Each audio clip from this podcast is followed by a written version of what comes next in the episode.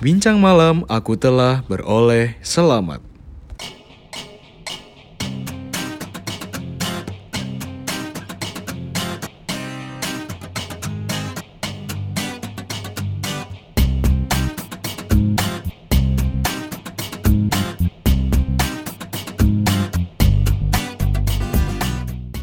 Kalau kalian masih ragu atas keselamatan kalian, Alkitab juga menyatakan bahwa ada bukti yang di dalam. Begitu kita percaya Tuhan Yesus dan menerima Dia sebagai juru selamat kita, Allah segera mengaruniakan Roh Kudusnya kepada kita. Dia menaruh Roh itu di dalam Roh kita. Roh Kudus ini ada di dalam kita dan bersama kita selama-lamanya.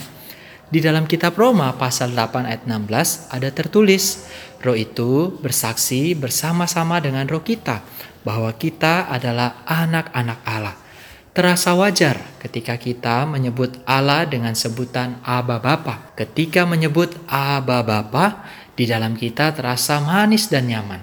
Hal ini dikarenakan kita memang adalah anak Allah yang dilahirkan oleh Allah.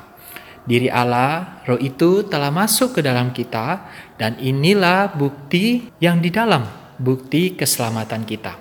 Share kalau kalian terberkati supaya memberkati orang lain. Sampai jumpa di bincang malam berikutnya.